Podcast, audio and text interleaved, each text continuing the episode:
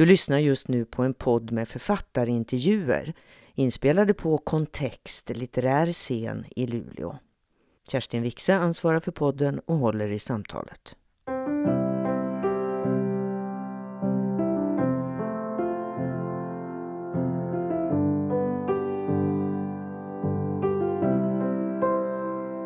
Välkommen till Kontextpodden Mattias Alkberg. Tack så mycket. Du, det var ett tag sedan. Alltså jag glömmer ju aldrig en kväll för många år sedan. Då skulle vi ha haft ett samtal på den riktiga kontextscenen. En stor lokal. Det är många år sedan. Mm. Och så var det vinter och det blev en fruktansvärd snöstorm och det kom och det var 30 grader kallt tror jag. Det kom åtta personer, kommer du ihåg det? Jag kommer ihåg det. Vi flyttade upp på scenen där inne i var det, lilla scenen där. Ja precis, vi satte oss där uppe allihopa. Ja, alla som kollade också tror jag satt där. Jo, alla som, ja. publiken satt där och du och jag satt där. Ja. Och så blev det, som jag kommer ihåg det, ett väldigt eh, roligt samtal om, om poesi. Ja, som jag, det minns jag också. Det sa jag, också för mig att det var liksom. Sen har jag väl gästat någon gång annars på, när, på Tidholm hade släppt Norrland precis tror jag och spela ja. också där lite. Precis. Men nu ska vi, mm. tänkte jag då, prata om att skriva poesi och att vara poet och det borde ju gå. Eller? Ja, det tänker jag. Ja. Och du vet, så fort jag hör ordet poet då tänker jag alltid på Staffan Göte och pjäsen En uppstoppad hund. För där är det en av rollfigurerna. Jag vet inte om du minns det här. Han delar in mänskligheten i bara två kategorier. Poeter och mördare. och det där tänker jag ofta på. Känner du igen det? Ja, jag känner inte igen det. Jag, jag, jag, kan förstå hur han tänker. Du kan förstå hur han tänker? Ja, lite grann tror jag det. Och så tänker jag, min nästa tanke direkt är att det är väl ingen skillnad på poeter och mördare heller, tänker jag. Annars tänkte jag säga att det är ju ingen tvekan om att du tillhör kategorin poeter. Men ja. du skulle lika gärna kunna vara mördare. Alltså. Ja, nej, det skulle jag inte såklart. Nej. Du, och så ska vi bara säga det för de som lyssnar att i slutet av samtalet då, så kommer du att läsa ett antal dikter mm. från den här senaste diktsamlingen då, som heter Med rätt att dö. Och det låter ju som en titel i coronatider liksom, men den här skrev ju du före coronan, eller hur? Ja, jag tror jag gjorde de sista liksom korrigeringarna, eller, eller, men det var ju bara korr då. Kanske i mars. Och då visste man om det, men inget är skrivet med den vetskapen om att vi ska sitta här ett och ett halvt år senare. Men det är ju en titel i tiden så att säga. Ja, ja det är det. Du passar coronan rent av dig. Är du bra på att förhålla dig till katastrofer? ja, men jag är jättevan att, att vara liksom isolerad. Det är jag. Verkligen. Alltså jag, har ju, jag har aldrig jobbat så mycket som jag gjort under corona. Jag har skrivit... Det kom en ny bok i september, augusti-september någon gång. En diktsamling. Och den lämnade jag väl in i januari kanske skickade jag första manuset till den. Men alldeles före jul så började jag skriva på nästa diktsamling. Jag skrev en halv bok till också ungefär. Så du har verkligen fått arbets, ännu mer arbetsroligt? Ja, men jag också, för det var lite så här att jag, att jag när jag hade skrivit klart med detta, att det så, då låstes ju allt ner. Och då var det som att jag bara, ja, men jag skickade in den på en måndag så började jag skriva igen på nästa på tisdagen. Liksom. Och så var det som fortsatt. Jag ska skapa med rutiner på en gång för det där. För att skriva? Ja, och det har varit jätteskönt. Eftersom det, eftersom det inte har gått att göra något annat har jag inte fått några andra intryck. Eller sådär. Det, jävligt, det, det var så himla skönt att inte behöva prata om det man gör, men man gör det för att, för att så fort man gör det då kommer ju nya idéer och tvivel och sådär. Så den här och den nästa, de kommer att vara väldigt, väldigt lika med detta. Det, de hänger ihop på något sätt? Ja, jag ser det som en, som en trilogi. Men förlaget tycker jag borde skriva en, en dekalog kanske. Men, jag vet inte. Men du, den här då, Med rätt att dö. Ja, men det är ju ett mörkt diktverk där du tvivlar på det mesta, till och med på vitsen med att leva. En av dikterna ja. har titeln till exempel Straffet är liv. Ja. Det här tvivlet, det har väl alltid följt dig egentligen? Mer eller mindre, men det har väl kanske blivit mer. Varför är det viktigt att tvivla? Jag vet inte om det är viktigt, men det är väl liksom en sån här... Eh, ett av grundlägena jag har, tänker jag. Så hade jag alltså en uppenbarelse redan i 20-årsåldern att man...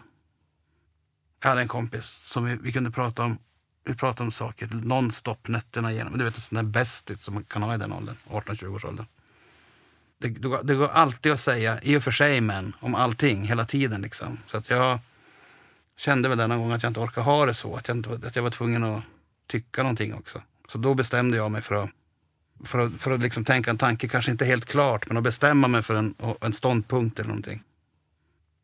Men det där är ju, sitter ju kvar i mig, att det alltid går att säga i och för sig men. Och det är ju ett slags tvivel eller ett slags ifrågasättande av allt, alltså av nästan exakt allt. Alltså sådana här grundläggande saker som åldrande och tid och eh, rymden och livet och döden och liksom. Du hittar alltid något annat än det självklara? Ja, jag tänk, tänker så i alla fall. Jag vet inte om det är så annorlunda, men det är annorlunda i, i den meningen att jag inte har tänkt tanken tidigare ofta. Men sen har jag inte läst så mycket filosofi till exempel. Eller... Nej, det finns väl folk som har tänkt allting, mm. ja, kan man tänka. Ja. Men, eh, men du, vad tvivlar du helst på? Har du någon favorit? Eh, tiden. Tiden? Tiden och rymden. Berätta. T tiden har jag massa såna här kvasifilosofiska idéer om att det kanske inte är att det kanske inte är en konstant, att den inte gäller samma för alla. Att somrarna kanske var längre när man var barn, på riktigt längre. Och sådär. Att det inte bara att de känns som, som att, vilka var det? Teosoferna var det väl, de, Madame Blavatsky de här. De hade, ja. Hon hade en tanke, eller hon, men de hade en tanke om att tiden var en spiral. Och som jag förstod också, även konformad. Så att det blev liksom, livet gick fortare och fortare hela tiden. Som vår upplevelse? Ja, precis. Är, att, liksom. ja. Det finns två sorters tid. En som gäller för att man, för att man måste hinna med bussen. Liksom. Men det finns, ett, det finns en annan som är en annan. Att, att mina somrar är kortare än mina barns somrar. Och sådär. Att det, kanske... Relativiteten alltså? Ja, precis.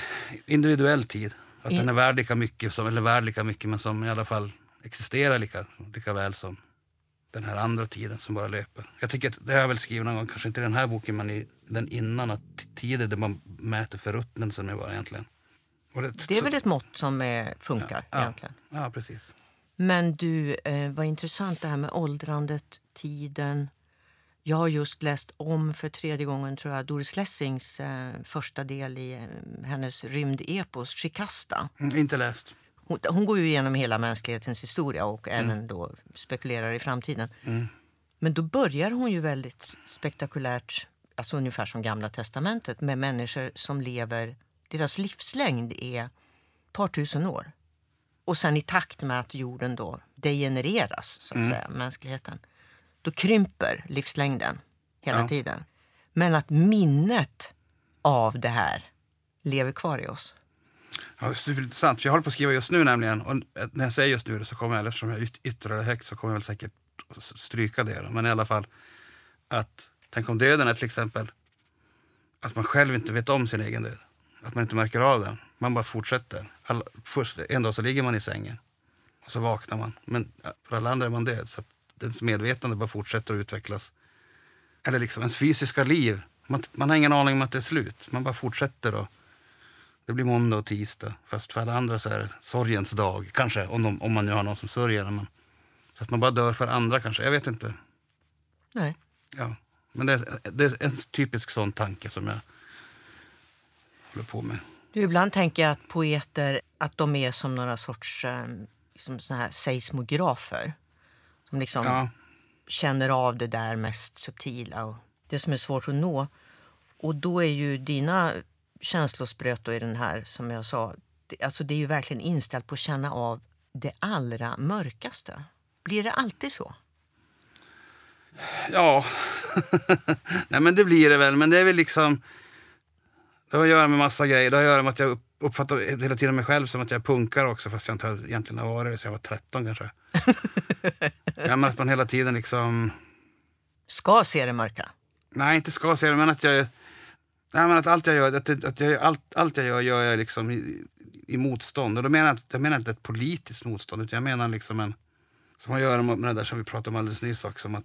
Om att uh, I och för sig, men... Men jag menar det här med att det, att det du skriver är väldigt mörkt och att det här djupa tvivlet finns där på allting det betyder väl inte att det är allt i ditt liv? Jag menar, nog, nog blir du också glad när du hör en vårfågel när du gick Ja, självklart. Ja, självklart. Nej, men jag, jag, är inte liksom... Jag var så galen eller depressiv egentligen. Sådär. Nej. Så, så det är det inte. Du har ju också just släppt en ny skiva, eh, Häxor. Ja. Och där förekommer ju också döden ibland. Men jag kan ju inte låta bli att tänka att skivan kontrasterar ju diktsamlingen väldigt mycket på det sättet att eh, känsla. Alltså jag säger inte att alla texter är muntra, men musiken är ju väldigt glad nästan hela tiden. Eller väldigt, den är väldigt öppen och ut och man får lust att dansa. Och liksom, den är väldigt livsbejakande. Kontrasterna mellan de här två uttrycksformerna, det måste du ha tänkt på. Varför det blir som det blir. Ja, men musik är ju, är ju, musik är ju egentligen mycket större än, än nästan alla andra liksom, ut, uttrycksformer tycker jag. Att man kan förmedla de här två känslorna exakt samtidigt. Precis, det inte. finns utrymme för, större, eller för fler känslor Mm. Ja, i musiken. och så är man ju flera som gör det ofta. Som på den här skivan är det det i alla fall. Sen har jag gjort skivor helt själv eller med bara en person också. Men, och de blir mera, ja, de blir på ett annat sätt. Och då tycker jag även texterna är på ett annat sätt. Men på den här skivan är ju de mörkaste texterna kanske jag har gjort på, alltså när det gäller skivor. Utom ett par som är...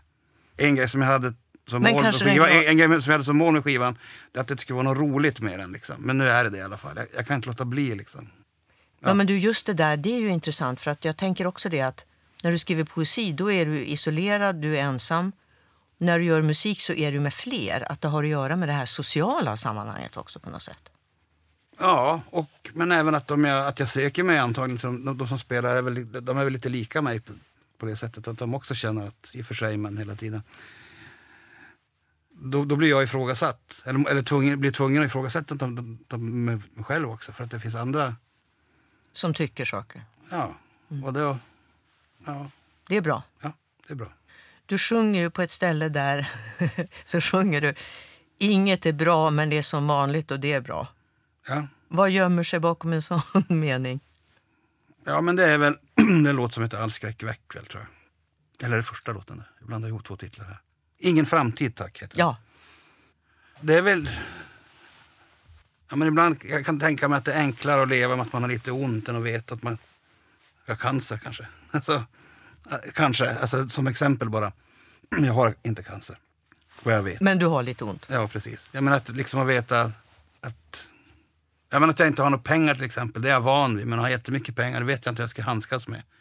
Så då kanske jag ibland väljer att inte ha så mycket pengar. Då, för att eh, det, det, är jag i alla fall van vid. Att man inte, för jag är väldigt sådär liksom när det gäller värderingar. Eller, alltså på det sättet så är jag ju...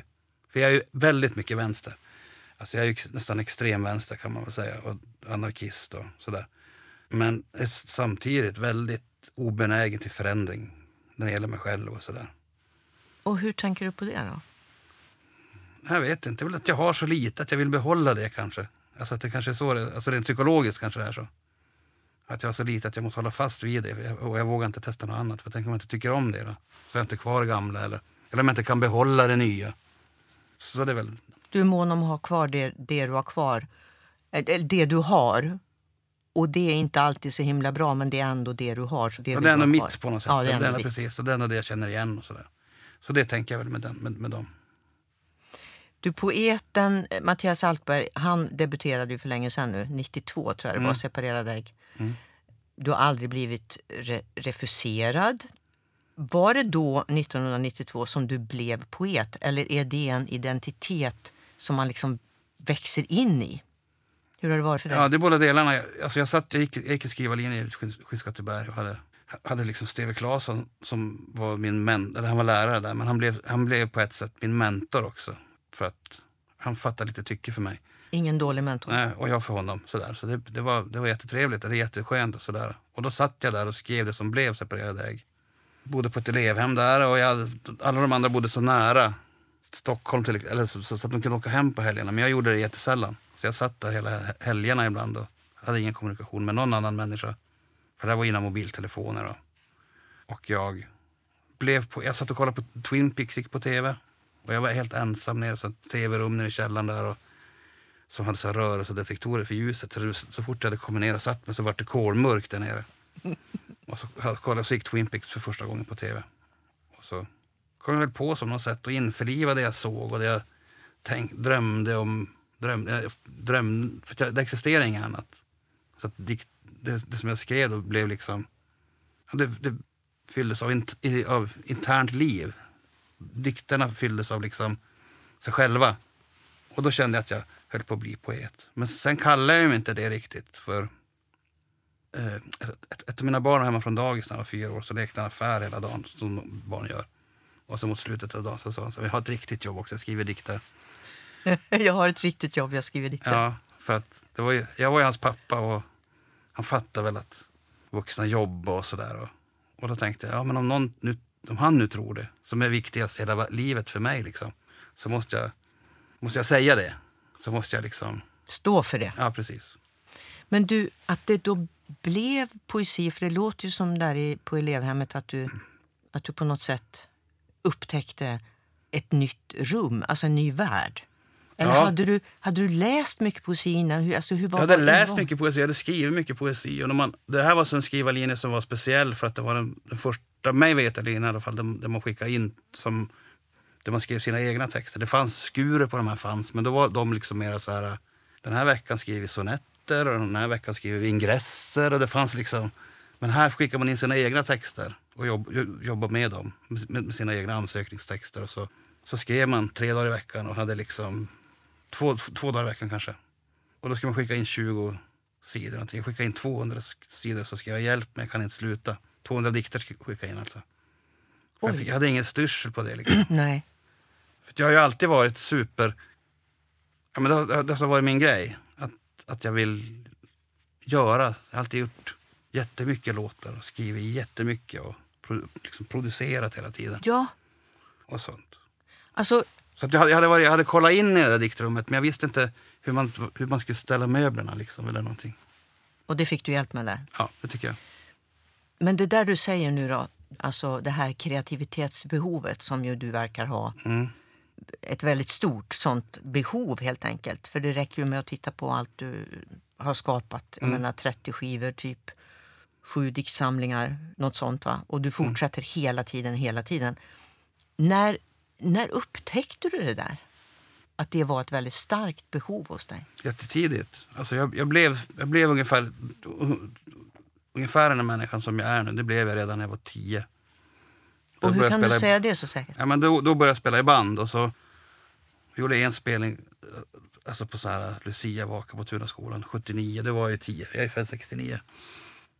Och då spelade vi två covers kommer jag ihåg. Och jag, jag ville, liksom- det var så mäktigt uttryck så jag började skriva egna låtar på en gång. Så nästa gång vi repade hade jag gjort jättemånga låtar. Och så har jag fortsatt att spela i band hela tiden efter det. För att jag, jag kände, jag kände liksom på en gång. Det har väl att göra kanske med att jag stammar lite grann och sådana saker. Att jag inte kunde uttrycka mig i tal lika väl. Sådär. Och det här blev en frihet? Ja, precis. precis. Och så har jag alltid varit också för att jag skelade för mycket och hade rött hår och stamma. Så jag tog ju upp jättemycket uppmärksamhet alltid. Det gick som inte att komma ifrån mig. Även om jag ville det så var det alltid... Jag, jag åkte alltid dit för allting. Som alla bus som man gjorde. Och, Du har lätt att få syn på. ja, och A-lagarna, det var alltid mig de skrek åt på stan. För jag såg, jag syntes liksom. Och, sådär. och så har jag kunnat försvara mig då för att jag stammar kanske. Eller du vet, på något sätt. Var lite rädd och blyg egentligen. Fast jag fick all uppmärksamhet. Så tänkte jag, ja, men jag skriver istället. Det kanske var så. Jag, nu psykologiserar jag. Liksom. Ja, men det är roligt att tänka på. Jag kan, jag kan också tänka så här att det här kreativitetsbehovet då. Är det, är det du som styr över den kraften eller är det, är det den som styr dig?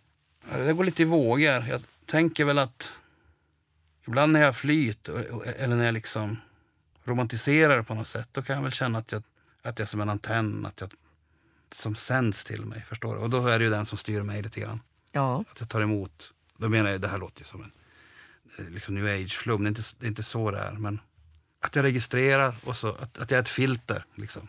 Och då kan, men då kan du också stänga av det filtret. Du kan lägga bort det ibland. Eller? Nej, jag kan aldrig göra Nej, det. du kan inte det. Nej, jag kan inte det. det är mitt Nej, då är du ju styrd av. Ja, men samtidigt så, eftersom jag har gjort det här så, så himla länge då, så har jag, har jag väl, så kan jag ju leva med det. Och så jag har aldrig haft, det är obesvärligt för mig att få ur det, liksom att få det ur mig. Så att jag, på så sätt styr jag det liksom. Och det är mina idéer och mina, jag är inte liksom slav under det, tror jag. Men det har jag å andra sidan aldrig blivit befriad heller, så jag vet inte. Du, varför har inte, varför har inte alla människor det så här? Ingen aning, men jag tänker ibland kanske att, eh, att många har det, men att så får de, i alla fall nu för tiden, så får de diagnoser för det lite grann kanske. Och det är ju jättebra för att folk vet inte vad de ska göra av all sin energi och sin, sin ångest eller vad det är. Det är väl jättebra om de får hjälp med det. Men jag är så gammal att det fanns inte när jag var liten på samma sätt. Och sådär. Du tror att du hade fått en diagnos? Ja, och jag menar inte heller kokettera med det. För det gjorde ju många tyckte jag när, de, när, de, när det började diagnostiseras. Så tyckte jag att jag hade lätt haft en diagnos. Jag, jag menar inte vara liksom en diagnos... Motståndare? Nej, nej, absolut inte. Men inte heller vara så liksom självupptagen att jag tror att jag gör det här för att det är något fel på mig. Eller du vet. Nej, precis. Jag menar inte att jag gör det som självmedicinering. Du, det här med att skriva poesi då, alltså det har väl någonting med allvaren då att göra? Alltså inte, inte så att dikterna behöver vara allvarliga, Nej. men kanske att man, att man tar något på allvar. Att orden alltså får betyda, eller kanske att man kan komma åt någonting då som man inte kommer åt där i vardagen. Eller är det en, är det en romantisk syn på poesi, tror du? Nej, det, det tror jag inte. Jag försöker tänka på om det stämmer på mig bara. Ja, men att man tillåter sig att låta något betyda något. Ja, men så är det definitivt. Så är det definitivt. Och när, man håller, när, jag håller på, när jag håller på några år så, så, var det liksom självklart för mig. Att... För det kan, ju vara, det kan ju vara väldigt svårt. Alltså att tillåta sig själv och säga att ja, men det här betyder något. Varför smiter man gärna ifrån det? Att tillåta sig själv att tycka att någonting faktiskt är allvarligt. Jag vet inte, det finns ju, det, det, finns ju helt klart en, liksom en brytningspunkt i hela samhället där när det gäller de sakerna som har att göra, med sociala mediers intåg. Och, det var en Pandoras ask som vi aldrig borde ha öppnat kan jag tänka ibland. Nu är det ju å ena sidan eh, tycker ju alla att deras åsikter är så jävla mycket värda. Att man inte tror på expertis eller på, på sånt längre. Att alla jävlar är experter. Därför så tror man också att det finns en pedofilring i Washington och såna, som håller till och äter barn under en pizzeria och sådana här saker. Att det är väl... Allas finns... åsikter viktas likadant. Ja, precis. Och det, det är ju stört att det är så. Men, men sen när jag tänker efter så kanske, eller, så kanske det på sätt och vis alltid har varit så. Men att numera, nu, numera alla ett forum liksom uttrycka sig. Jag tänker på det här vad heter det, Sommar på P1 till exempel. Det har ju helt, fyller ingen funktion längre. Det finns väl, det, man skulle tvärtom vilja höra något som inte är personligt någon gång. Utan som är hittepå eller som är så pass uh, smärtsamt eller privat kanske. Att det inte går att skriva om det på Facebook eller Instagram eller TikTok. Eller, liksom. Men nu är det... Så att jag vet inte. Ja, så tycker jag väl kanske. Roy Andersson skrev en bok en gång, läste du den, som hette Vår tids rädsla för allvar? Ja, jag har nog läst den tror jag. Den kom ut 95. En av hans teser var ju att allvaret alltid står... Jag tror att han kanske skrev den också som... Då hade väl den här ironiska generationen redan varit ja. igång ett tag. Och, så. Mm. och en av hans teser var att allvaret alltid stod eh, i konflikt med marknaden. Det var ju en av hans teser. Ja, på ett sätt är det så. Å andra sidan måste man ju gilla läget också någonstans. Det går inte, det går inte, man måste ju erkänna sig besegrad. Alltså någon gång. Eller, av, det måste, av, det, av det, det måste väl inte. Av marknaden till exempel. Av marknaden till exempel. Det har jag tänkt mycket på. Det har jag skrivit mycket om i den här också. Att liksom kapitalismen är som en naturkraft. Fast den är ond. Alltså den är som en... Ja, men den är som en tsunami eller någonting. Fast liksom lågintensiv hela tiden. Man kan inte inte leva i ett kapitalistiskt samhälle. Det är ett kapitalistiskt samhälle. Man, man, jag är tvungen att liksom... Så, så visst, man, ja, man måste alltid förhålla sig till marknaden till exempel. Men även till en massa andra saker. Som? Som eh, ja, men liksom den här versionen för, för djup eller någonting. Att man, att man måste vara ytlig och man får inte liksom vara för ömtålig. Det går, tycker jag går igen jättemycket. Eh, jag läste om, vad heter hon den här, en, en fransk kvinna som har skrivit tre böcker om Subutex. Vad är de Subutex? Ja, hon ja. Mm. Hon skriver, hon skriver, de är sådär de böckerna tycker jag. Börjar bra men sen blir de tradiga. Och, det är bara liksom attityd efter ett tag som ska vara häftig, som jag inte tycker är så häftig. Men på något ställe så skriver han att är det någon karaktär i boken, och det är bara som en, nästan som i en bisats, att det är så himla det är, inte, det är inte fint att vara fattig längre. Förr fanns det, kunde, kunde, kunde det vara ett liksom romantiskt skimmer kring det där. I alla fall att man inte hade några pengar. Men nu är det liksom bara... Sunkigt. Ja, det är som att, rö som att röka inne på ett äldreboende. Liksom, eller någonting. Det, det är totalt, man vill inte ta i det alls. Och, sådär. och det ingår i det där tycker jag att man jag vet inte. Man, man, jag, jag, jag, jag, man, jag är tvungen att förhålla mig till allt sånt där hela tiden tycker jag. Roy Andersson hade rätt, men han visste ju inte alls hur illa det skulle bli. Liksom, tänker jag. Nej, precis. Ja. Och du brukar ju säga att du, du brukar ju säga att du skriver om dig själv, men inte om ditt liv. Och Det är ju en formulering som du använder på flera ställen i, i den här diktsamlingen. Ja. Du är verkligen ingen Knausgård kan man säga. Det är ju ingen som riskerar att känna igen sig själv i dina diktsamlingar, eller hur? Nej, någon enstaka kanske. Men då säger jag till för i sådana fall. Då eller, säger du till för ja. Men du, hur kan man skriva om sig själv då om man inte samtidigt skriver om sitt liv? Hur går det till? Ja, men man kan väl skriva... Ett exempel är väl att man kan skriva om reaktionerna på saker som händer snarare än vad som händer. På hur jag uppfattar saker. Att man kan skriva ett svar istället för en fråga eller skriva en fråga istället för ett svar. Men in, att det inte den här frågan följs inte av det här svaret. Utan, ja, alltså, det finns liksom sådär. För det här gör du ju konsekvent. Ja. Ibland lägger jag på ett personligt filter till och med för att terra lite grann. Att det finns låtar som heter Matti och Angelica, min fru heter Angelica, Matti och Angelica, som inte på något sätt handlar om oss. Eller Matti Apornas son, som inte heller handlar om mig alls. Och då, de, alltså, då har jag kommit på titlarna, jag har gjort låten, låten är färdig liksom för, för att jag vill.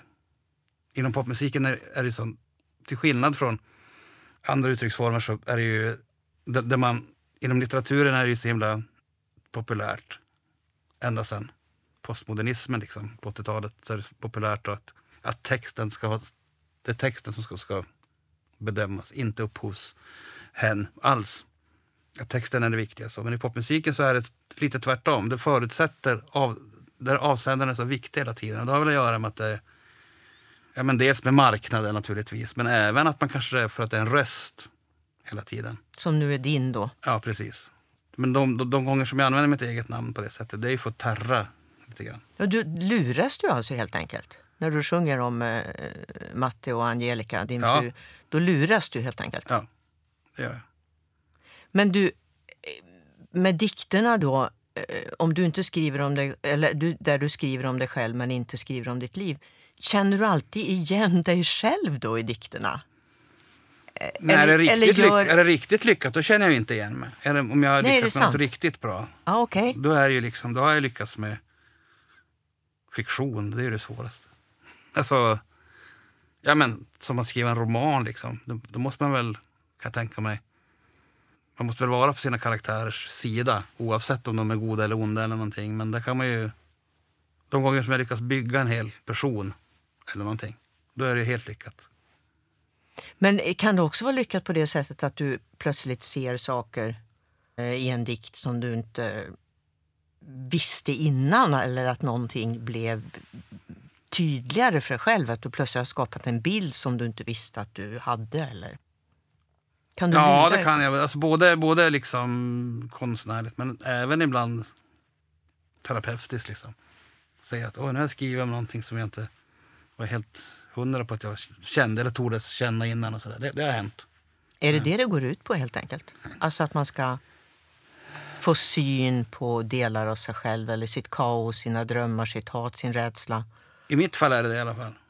Det är också därför som jag är lite så här äh, gossen Ruda inom, inom litteraturvärlden på ett sätt som jag inte är inom popmusiken. På samma För att?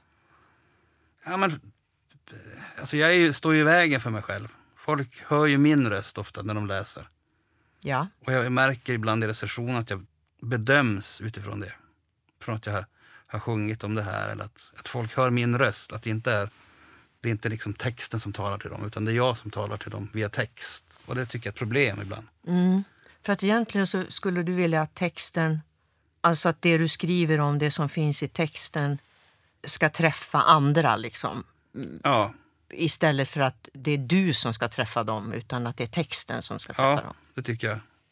Ofta i alla fall. Men som sagt, jag förstår också om folk tar fel. Och jag tar ju fel själv mycket när det, när det gäller det för att jag håller på med båda sakerna. Dels så var en väldigt tydlig röst. Ja, precis. Alltså rent fysiskt, min röst låter ju speciell och gäll och jävlig liksom, det vet jag ju. Men när jag sjunger... Du kan, du kan låta väldigt vackert också. Tack. Tack så mycket. Men, men Men ibland så kan jag liksom inte undgå att skriva med min egen röst. Och, alltså, det finns det är väldigt få som klarar av båda de grejerna. Och jag är inte en av dem, tycker jag själv. Och, och vara liksom... Skilja på dem? Ja, men att göra att det finns ett eget, liksom ett, texten ändå har ett egenvärde fast det verkar vara helt att det är personliga erfarenheter. Jag, jag läser Johan Jönssons nya nu till exempel. Den på, hur många sidor var det? 2270 mm. eller något sånt Just det. Mm. Vi, vi, del, vi, vi delade redaktör så jag fick den före. Jag har aldrig träffat Johan Jensen så jag, det är helt opartiska. Men han kan, ju, han kan ju verkligen skriva om något som jag antar är hans liv. Alltså någon del av det här jätteverket, som ju är bara en också fortsättning på flera andra böcker han skrivit, måste ju vara hans verkliga liv. Eller så har han byggt upp en total Sagan om ringen-mytologi, jag vet inte, i, i omfång alltså. Så att du gör ju också så då när du läser en, en, en poet, att du på något sätt ja, men, tänker ja, inte, dig en person? Ja, men inte alla poeter gör det med. Utan det finns ju, det har väl med liksom, alltså med hantverk att göra, hur man väljer att och, och framställa diktjaget och massa saker. Jag upplever aldrig det med Sonnevi till exempel, att han skriver om sig själv. Nej. Fast han skriver lika långt som Johan Jönsson och, och sådär.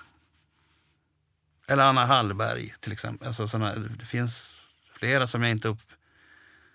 För Anna Hallberg är, det väl lite mer uttalat om att hon skriver om verkligheten. Men hennes, hennes dikter är så himla fina på ett annat sätt.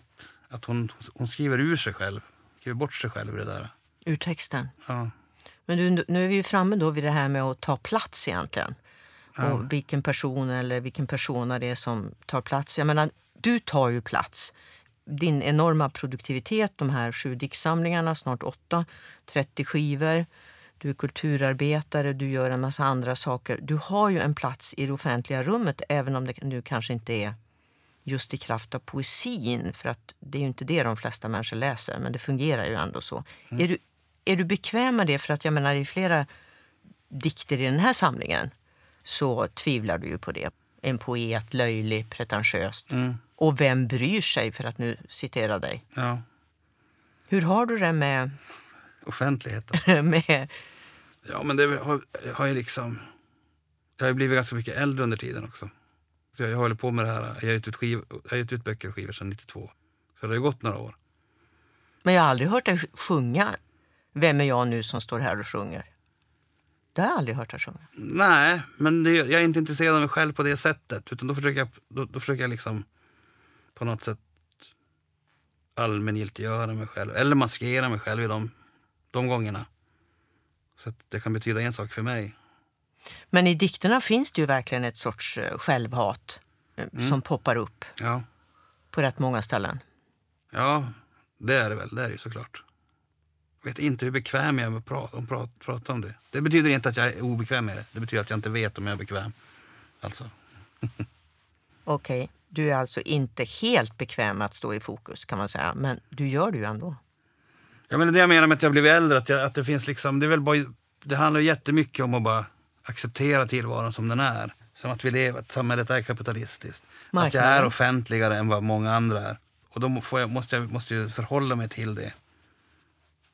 Och i den här diktsamlingen så kanske jag till och med dis diskuterar det med läsaren eller med mig själv. Eller du vet, att jag ältar fram det. Liksom.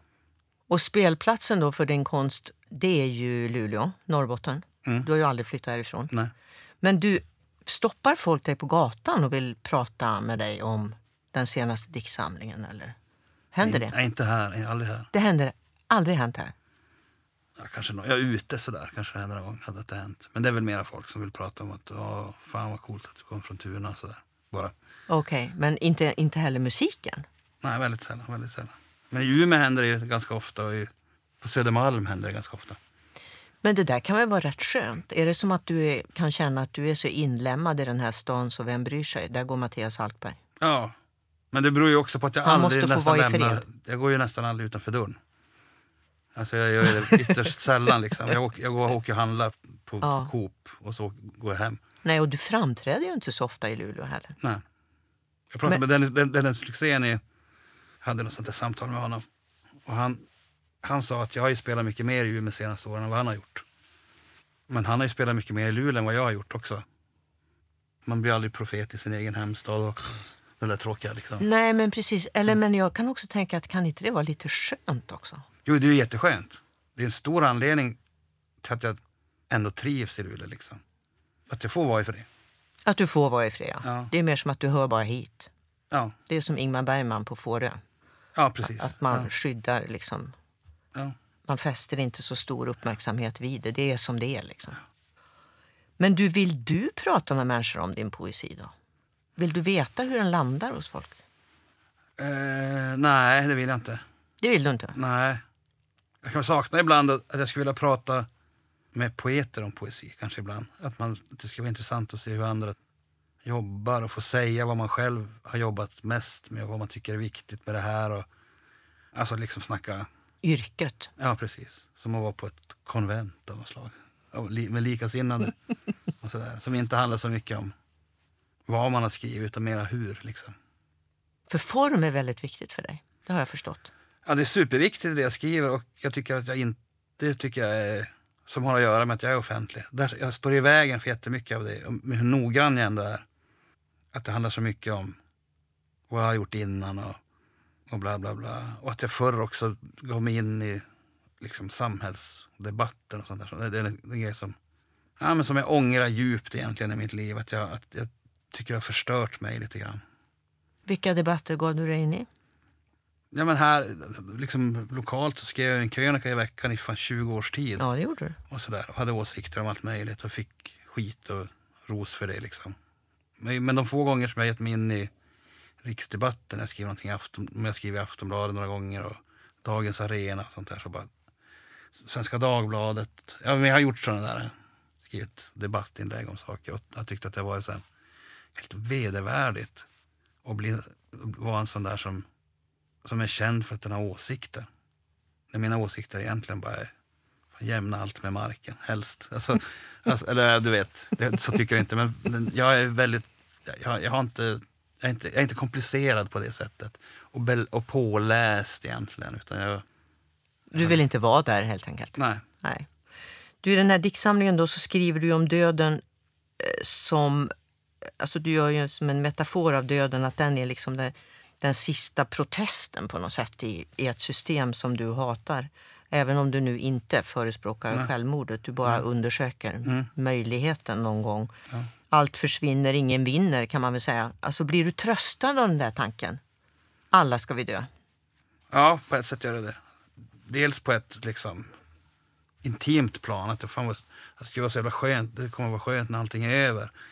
Men det är ju inte, det är en störd tanke. Eller en störd, det är väldigt det, som jag aldrig kommer att genomföra eller någonting. Eller, eller liksom försöka leva upp till. Men, men jag tänker också att, och det här är en tes som jag har drivit sedan 90-talet egentligen. Att det bästa vore om alla dog samtidigt. Om kometen verkligen kom liksom. Okej. ja men det är ju... All, all, all, hela Alla. jorden menar du? Hela mänskligheten. Allt sentiment, eller allt liksom inkännande liv. Om det var utplånas i ett knäpp. Så man skulle, då skulle man slippa all sorg och all saknad.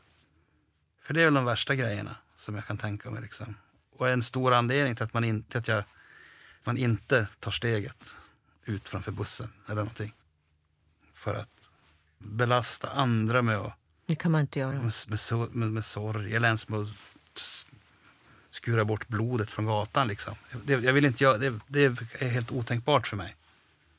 Och samtidigt leva med den här enorma skräcken hela tiden att något ska hända ens barn någonting eller att folk, att folk kommer att dö. För folk kommer ju att dö. Absolut. Och då vore det bättre om alla dog samtidigt. För att inte tala om av miljöskäl och sådana där saker. Planeten kanske skulle vara bättre. Om man nu tycker att planeten är så viktig, jag vet inte det. Men... Men du, jag tänker, är det, är det en lockande metafor det här i det här samhället där vi strävar efter kontroll liksom hela, hela tiden? Vi ska kontrollera allt. Allt ska vara kontrollerbart. Men döden är ju inte kontrollerbar. Den är ju helt oförutsägbar, bortsett från att vi alla ska dö. Men Ja. annars så kan vi inte kontrollera den. Det är väl en lockande metafor? Ja. Men kärleken är ju egentligen precis likadan. När får vi en, alltså jämförbart med döden. Den kan, ju, den kan ju slå till hur och var som helst och utan att man kanske inte ens vill det. När skriver du en diktsamling om kärlek? Men alla mina diktsamlingar handlar om kärlek också. Tycker jag jättemycket. Att, att är väl... Men är det två jämförbara storheter tycker du? Döden och kärleken? Ja, fast man kan ju slut, de kan ju sluta älska, till exempel. Man Det är tråkigt, ja. Och där är man inne där igen på sorg och saknad och grejer. Och, så jag vet inte. Jag, jag tycker döden trumfar. Döden är mer definitiv då? Ja, och Mm. mera, mera, mera liksom pålitlig. På Icke förhandlingsbar. ja, men precis.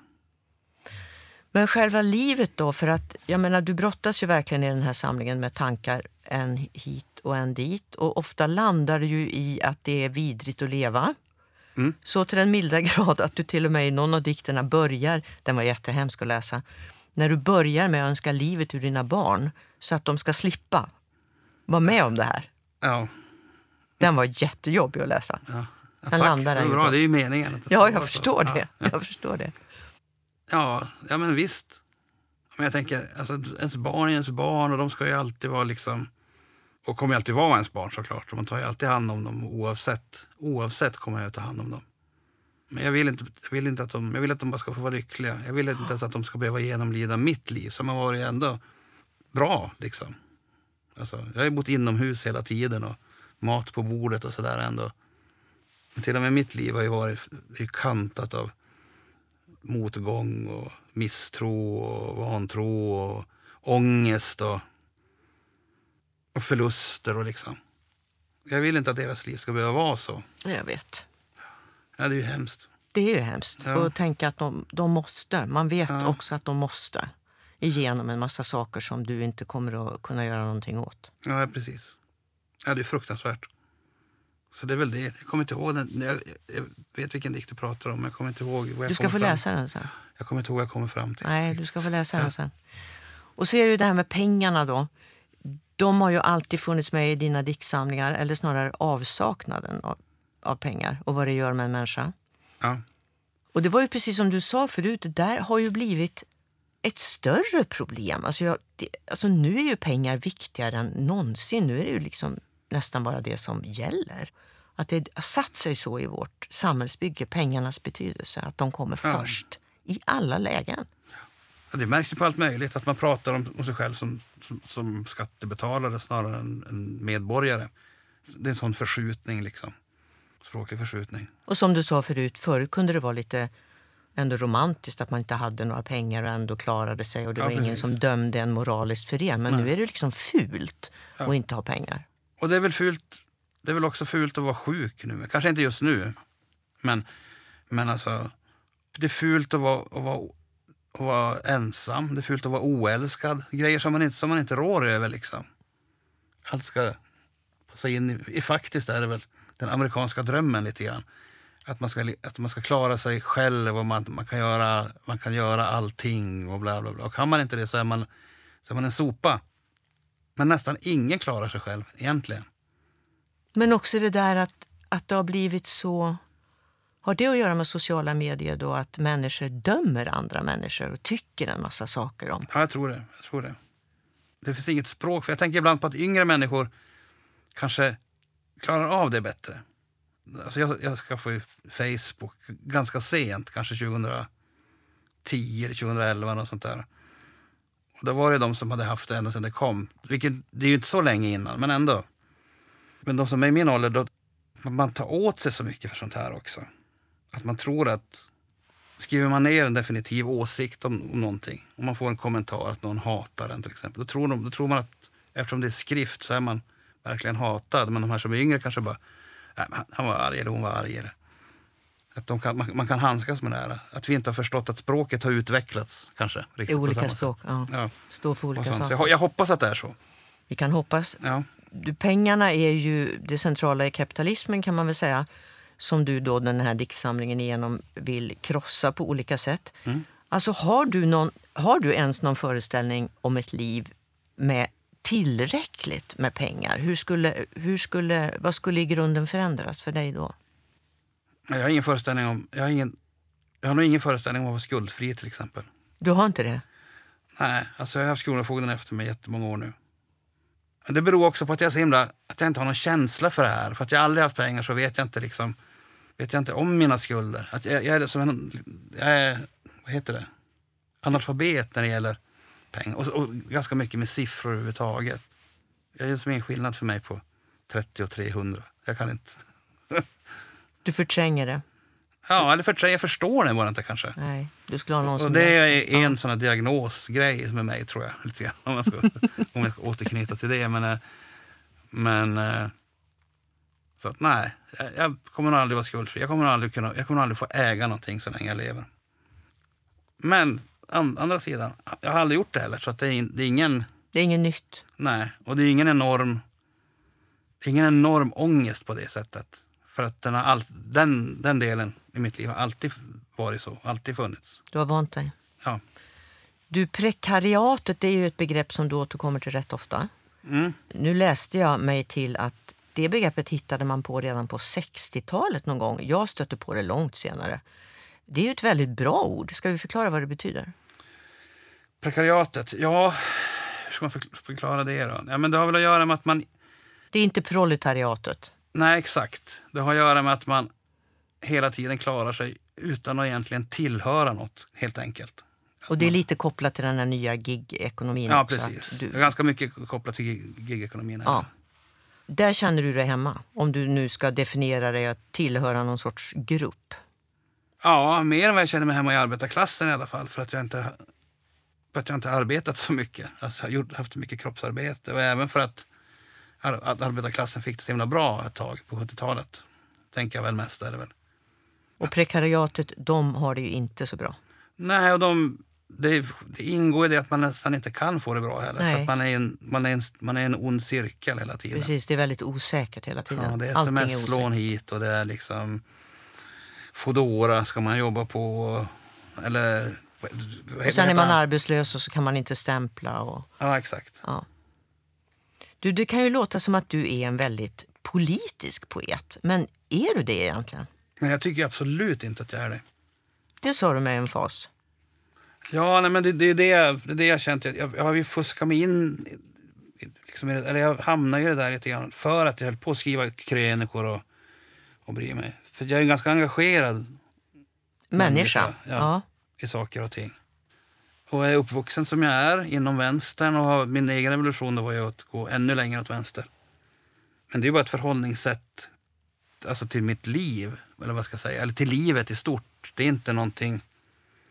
Jag har väldigt liksom, lite politisk kunskap och, och, och är helt renons på när det gäller politisk strategi och sånt här. Jag, så på det sättet är jag fullständigt opolitisk. Och du är ju ingen aktivist. Alltså när folk, jag, kan, jag, jag kan tänka mig att det är många som kanske önskar att du ska komma på demonstrationer och Ja, ja. arrangemang och sådär. Men, men det gör ju inte du, eller hur? Nej, väldigt sällan. Om jag får bra betalt, gör Är det friheten igen? Alltså, du ska vara fri mot det här också. Ja, fast det är inte liksom ett politiskt ställningstagande utan det är någonting som känns djupt inne i, djupt inne i mig som har med, kanske kommer från punken. Att jag liksom är anarkist på det sättet att jag inte vill, att jag har lite svårt för vänstern också. Du vill inte vara i ett fack. Nej, jag vill inte liksom, nej, precis. Men mest är det för att jag känner, för att jag känner mig liksom alltså, så sjukt obekväm med det och, och börja ha åsikter om saker och ting. För det, det rullar på i sådana fall alltid. Hela tiden är det liksom, man kliver ut som på en avsats och så alla trappor går ner i helvetet på något sätt tycker jag. jag. Men då, om, vi ska, Mm. om vi ska prata om det motsatta då. Vad du njuter av så skriver du i någon av dikterna att det kan vara en njutning att kunna formulera en ny tanke. Hur ofta händer det? Eh, ganska ofta. Alltså ny för mig själv. Jag, jag, har en, jag har utvecklat en förmåga tycker jag själv att jag kan, att jag kan ibland se på saker och, och liksom gå in i ett gå in i någon slags tillstånd där jag är som lite att jag fått en hjärnskada nästan. Okej. Okay. Att jag kan se på, jag kan höra musik till exempel och så kan jag tänka att eller jag kan stå och diska, det är ett ännu bättre exempel. Jag kan stå och diska och så bara tänka vad mäktigt det är att det finns fettlösande medel. Och så blir helt lycklig av det. Och då är den tanken helt ny. Att jag kan göra tankar till nya även om jag, inte, även om jag vet någonstans att de inte är nya. Det är ett exempel. Men när jag, när jag skriver och, och sånt så tycker jag att jag kan göra grejer. Men den är, den är bara ny för mig. Ofta är den ju bara ny för mig. Sen Ja, men det den- räcker ju. Ja, men sen har det visat sig att Sigurd Andersson hade för skrev hela böcker om det. Och, men att jag kan liksom göra mig storögd på ett sätt. Och intresserad och, och Som ett barn egentligen. ja, det är en förmåga som- som jag har. Som jag, ja, men det kan jag säga att jag har. Och då blir du lite lycklig. Ja, då blir jag lite lycklig. Alltså nu har vi ju pratat om döden då en del, men före döden, alltså i normalförloppet, så har vi ju då åldrandet. Mm. Och eh, du är ju 50 nu, lite drygt. va? Du är ju knappast så åldrad. Men här i diktsamlingen så, så märker man ju att du har börjat tänka på åldrandet i alla fall. Ja, men jag har alltid gjort det också. Du har alltid gillat åldrade människor, eller hur? Ja, och se på mig själv också som erfaren på det sättet. Jag har varit 40 år i 50 år. Har du?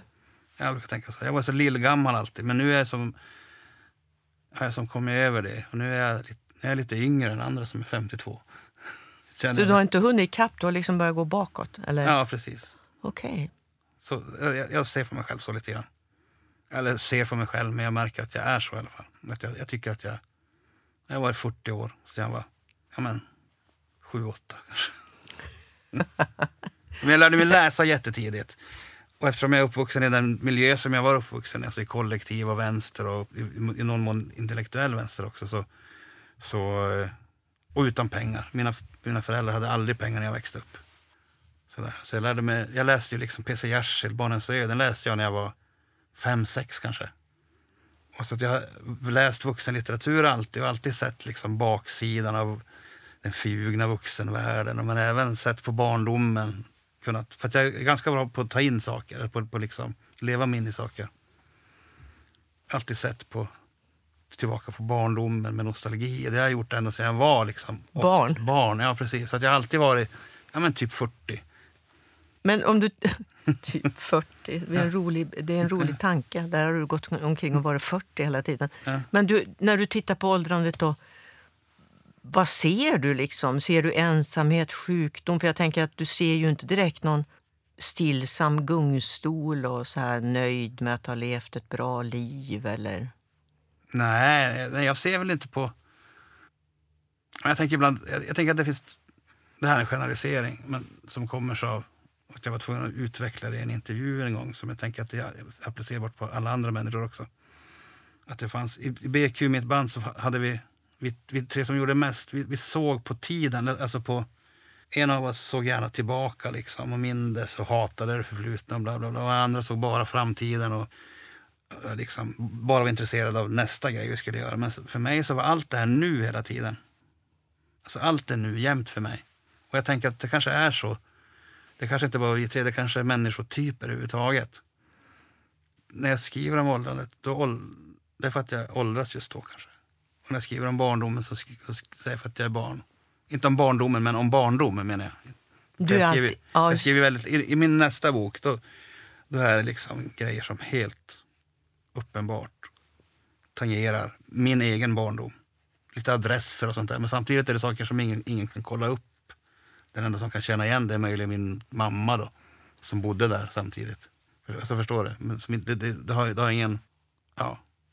Ja, men åldrandet, jag ser väl på det liksom... Ja, men, när det gäller mitt eget åldrande i alla fall så är det det där att jag som alltid varit lika gammal. Och håller på också med rockmusik hela tiden. Så att jag som där hela tiden ska vara ungt och vilt och som är lite vad barnsligt liksom. Men vad gör du sen då när kroppen börjar säga att Nej, men nu är du faktiskt gammal? Hur kommer du att reagera på det?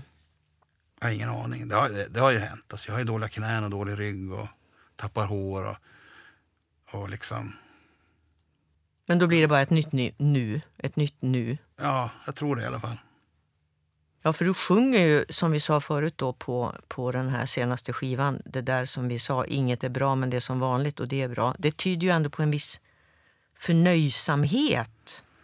Eller kanske, vad ska vi säga? Ja men så här blev det. Livet blev så här. Ja. Men jag tycker att det är svinviktigt att ha roligt. Och vara rolig också tycker jag är jätteviktigt. Jag, jag, jag märker ofta att jag, Du är ju ibland väldigt rolig. Tack. Men jag, jag märker att jag väljer mitt umgänge mycket utifrån om folk är roliga eller inte. Om du får skratta. Ja, precis. Om jag kan få folk att skratta också. Det är en jättestor del av det och det kommer inte fram. Det kommer inte så fram. Det är inte så. Jag tycker i den här så är det några grejer som är svinroliga. I den, den, den här berättat det är jag, som jag själv tycker. Jag har en dikt i den här nya boken som tror jag är så här. Om man skriver ordet stå upp-rutin istället för en dikt, då upphör det vara en dikt. Men det här är står i diktsamlingen alltså.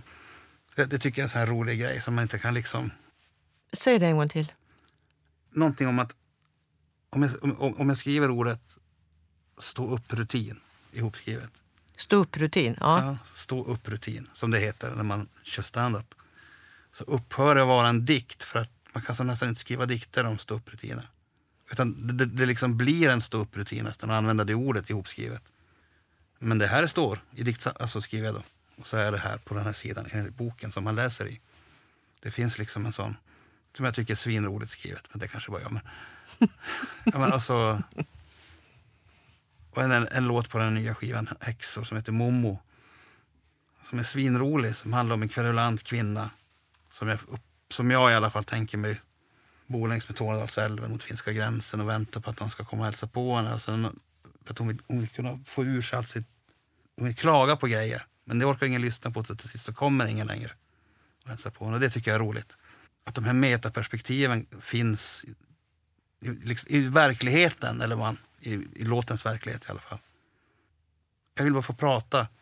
Men allt jag pratar om är hur dåligt det är att jag aldrig får prata. Alltså, Just det, cirkel, ja, alltså cirkelresonemangen. ja, precis. Och det tänkte jag mycket på när jag läste den här, vad heter det, som Teg gav ut. Sven, Sven Teglund Ja. redigerade. Som hans mamma Ja, eh, hade skrivit som dagboksanteckningar som han Ja, gav precis. ut. Ja. Jag tänker mycket på det. Min, min, min farmor, utan att hänga ut, men hon kommer aldrig lyssna på det här såklart. Alltid när man ringer till henne så hon, hon är 96 och är helt klar i huvudet. Eller så klar man kan vara, i alla fall för att vara helt klar i huvudet när man är 96 år. Hon är ganska deprimerad nu för att hon vet om att hon ska dö. Hon ska inte det nu, hon är inte döende men, men liksom hon vet det. Hon klagar alltid på att ingen ringer, när jag ringer. Det, det, det blir liksom en sån här... Och jag fatt, det, det, är ju, det är såklart att det känns så. Men är det en grej jag inte kan göra något åt så är det det. Att, för jag ringer ju henne. Men jag kan inte, jag kan inte inte ringa och samtidigt höra att jag inte ringer. Det går inte. Nej, Så det är ju det är dråpligt liksom. ja det är dråpligt. Mm. Och många kan nog känna igen sig i det. Nej, det finns en dikt där, där du, där du, uttryck, där du beskriver graven som en himmel. Mm. Som en, ja, men som en lättnad. Då. Ja. Vi får väl hoppas att det blir så. Alltså när vi ska dö. Ja, ja men precis. Men du, fortsättningen nu då efter döden, alltså inte efter vår död utan, och inte din heller, men eh, alltså efter den här diktsamlingen. Mm. Då kommer den här nya som är en sorts, kan man läsa den som en förlängning på? Ja, det kommer att se likadan ut. Den kommer att vara en annan färg. Och den Ah. tredje kommer också att vara en annan färg. Just. Och sen kommer en tredje så att det blir som en trilogi eller? Ja, det är tanken. Eller i alla fall tanken. För mig är det det just nu. Men Anders Teglund tycker, varför, skri säger, varför skriver du inte en dekalog? När du, ändå, då. när ändå har flytt. Men jag, så långt vågar inte jag tänka. Nej. Men temat kommer inte att bara vara döden i, i nästa. Nej, det är andra grejer som är lika i dem. Det är liksom själva uppställningen och jag, har väl upp, jag tycker själv att jag upptäckt, äntligen upptäckt en metod som passar för mig att skriva poesi. Och det är att, det är att vara liksom...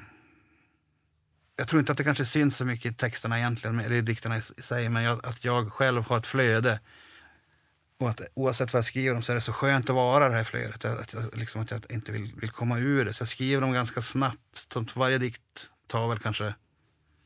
Jag håller på med kanske fyra, fem dikter samtidigt hela tiden. Och så tar de kanske två till tre dagar att skriva, högst.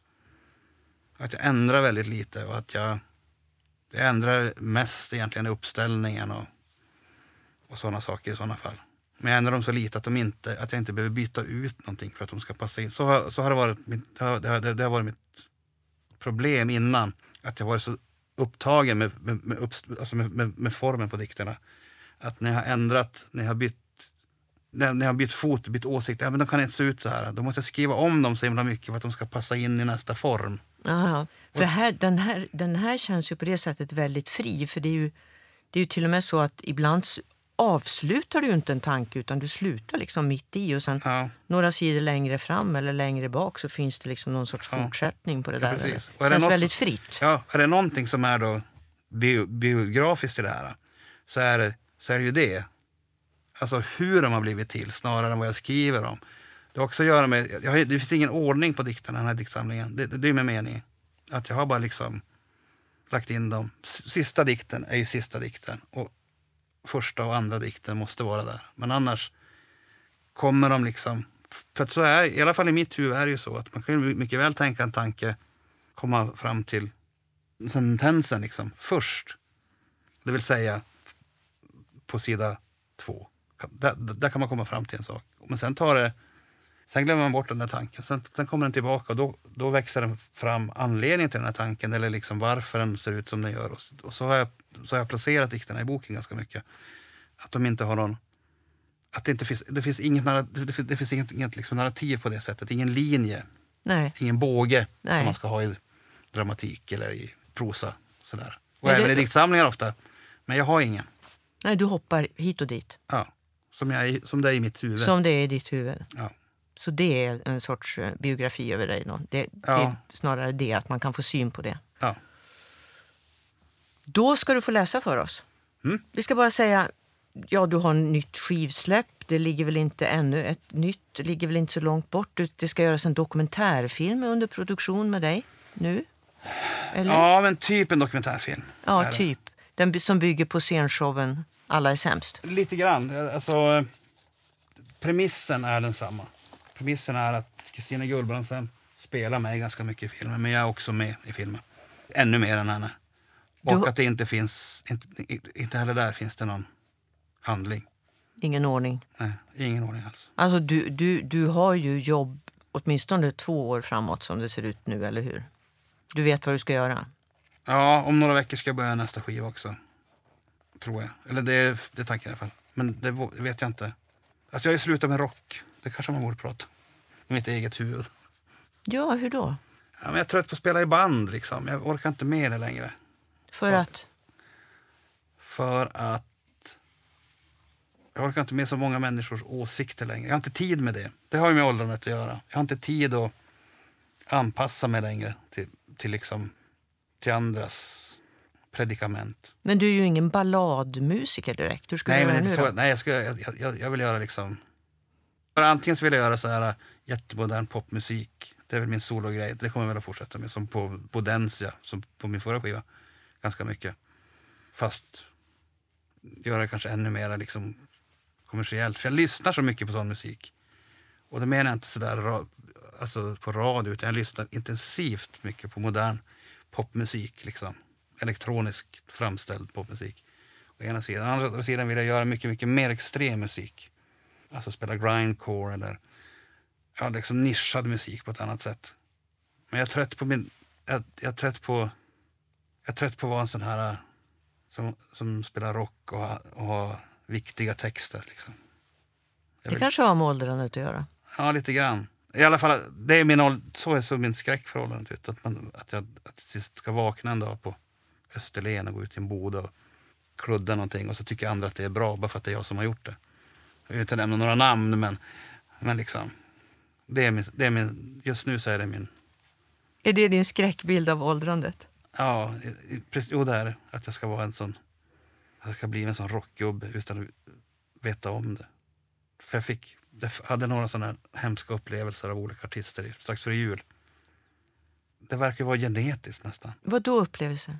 Men jag såg, såg på tv några olika artister och hörde några olika skivor som jag tyckte var så fruktansvärda. Som hade så mycket med det, det är liksom synen på musik. Att plötsligt krävs man att ta på allvar att, att ens eget att ens egen historia är så jävla viktig för and, att man tycker att den är viktig för andra. Och det, det finns inget värre. Alltså det är mitt värsta överhuvudtaget att vara, att, att vara liksom Ja, men som en rock. När jag var yngre så var mitt värsta att vara rockpoet. Men det har jag som förlikat mig med för, för ganska många år sedan. Men att bli en sån där rockgubbe liksom. Fan vad hemskt. Så jag kan inte göra det längre. Jag måste göra, det måste, jag måste göra, välja två helt andra vägar. Så du ska, att- rädda, du ska rädda dig själv genom att gå, eh, ändra Ja, musikaliskt? och, och rockmusiken. Och den, har, rock- jag, den kan inte vara så dålig som den är. Jag kan inte tycka det. Jag kan inte hålla på med något som är så, liksom, har så vidriga konnotationer tycker jag. Ja, så det är väl... Jag ska lyssna på musik jämt. Totalt jämt nästan.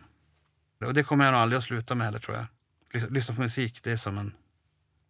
Jag kommer ihåg någon, någon intervju för länge sedan med Jonas Almqvist som sjunger Läderundan som är lite journalist. Och så där. Han fick han en fråga om, om man var tvungen att välja mellan att sluta lyssna på musik eller sluta spela musik. Då sa han att då skulle han förtidspensionera sig. Så att han kunde göra båda grejerna. Och jag, och jag har alltid känt likadant. Men nu börjar den lite ramla över. Men jag slutar hellre. Och så skriver jag bara istället. För det här året har varit så underbart för mig.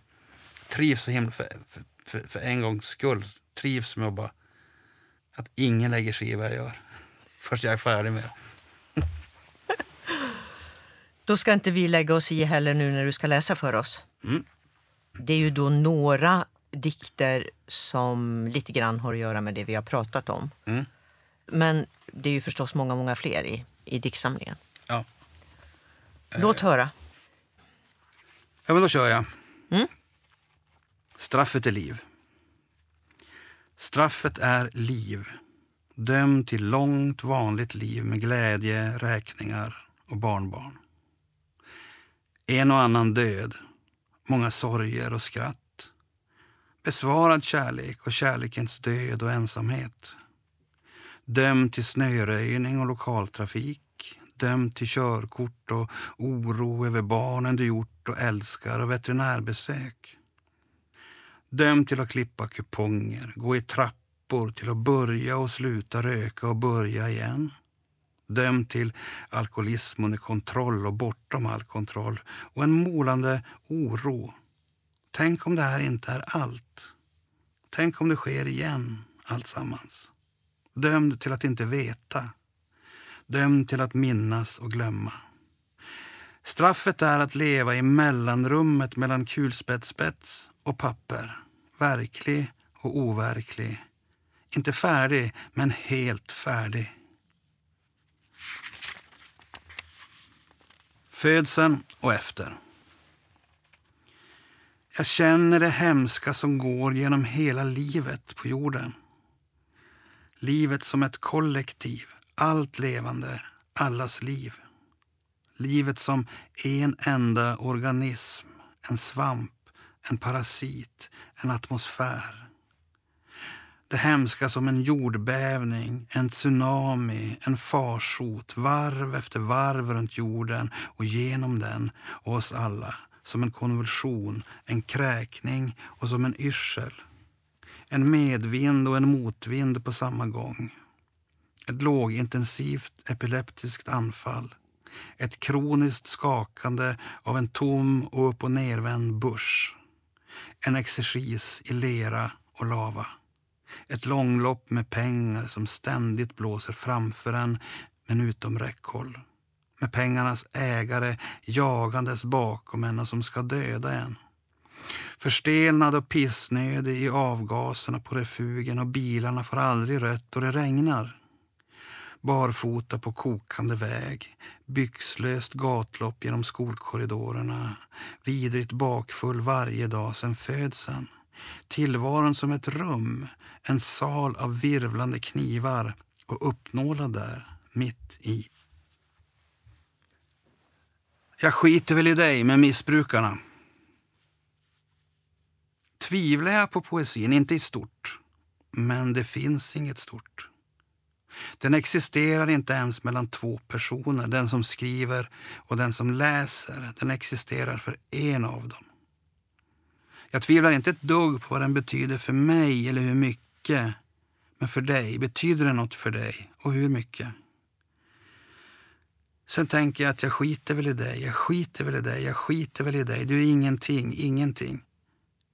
Men det gör jag ju inte och det är ju inte. Poesi Jag kan inte se i ordet utan att göra mig bilder av runkgubbe, osande piss, peruk och kafé, skriva på servetter och död i delirium emot en Trotsigs gränd. Och tvivel, som Jesus, den jäveln, martyrsvinet, fy fan. Jag kallar det dikter och jag tycker om dem och eller tror på dem eller så gör jag det inte. Du får förstås kalla det vad du vill, jag skiter väl i dig.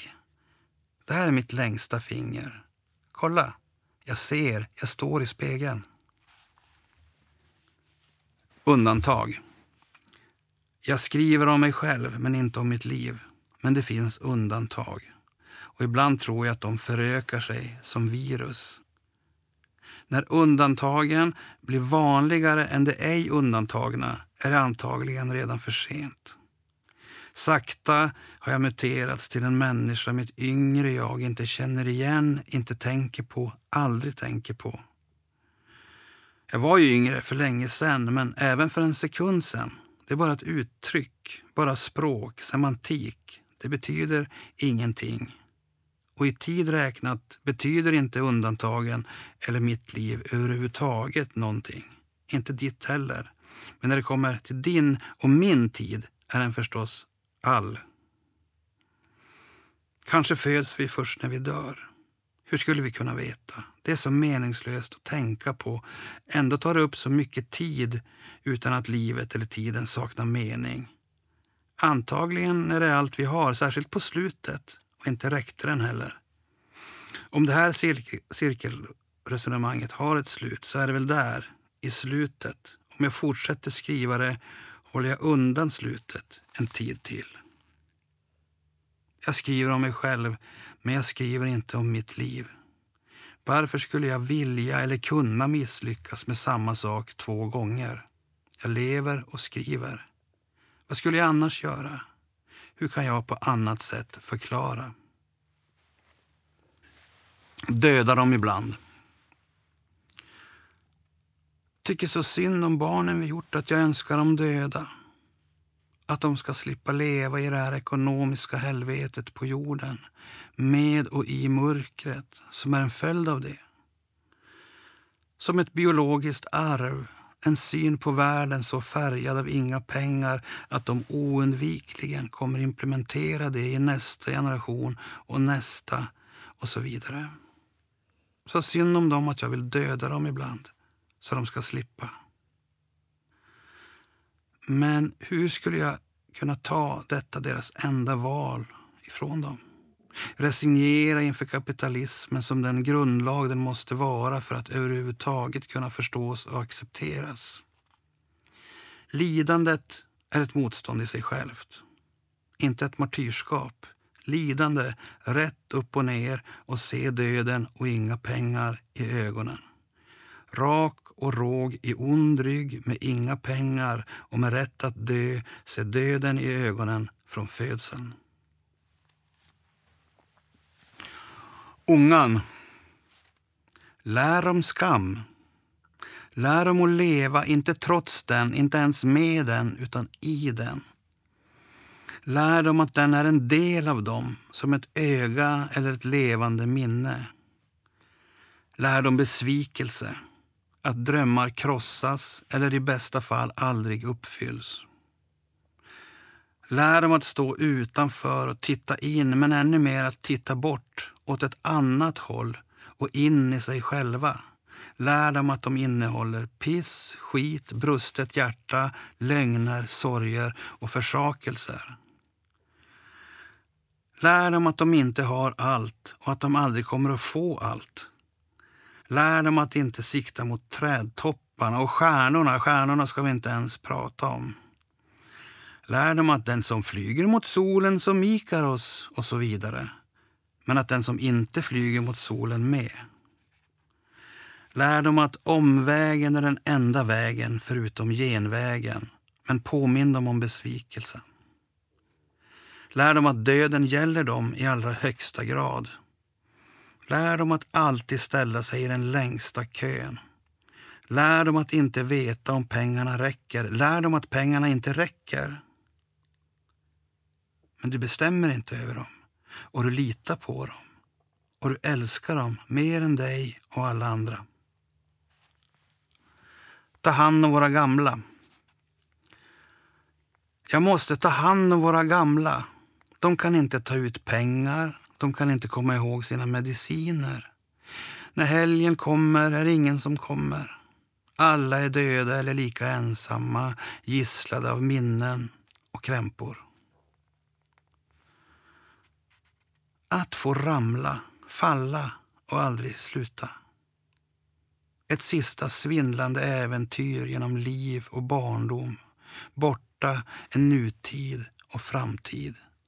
Graven öppnar sig som en himmel. Tack Mattias Alkberg. Tack för att jag fick komma hit. För läsningen ur Med rätt att dö och så för samtalet. Det var jätteroligt. Mm, tack så mycket. Det tycker jag med. Hej då. Hej då.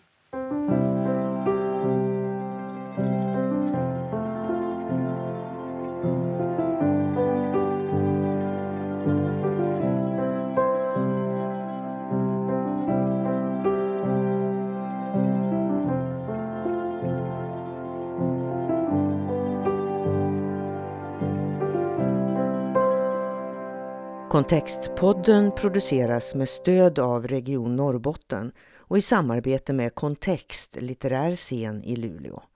Författarscenen drivs med hjälp av Statens kulturråd och Luleå kommun.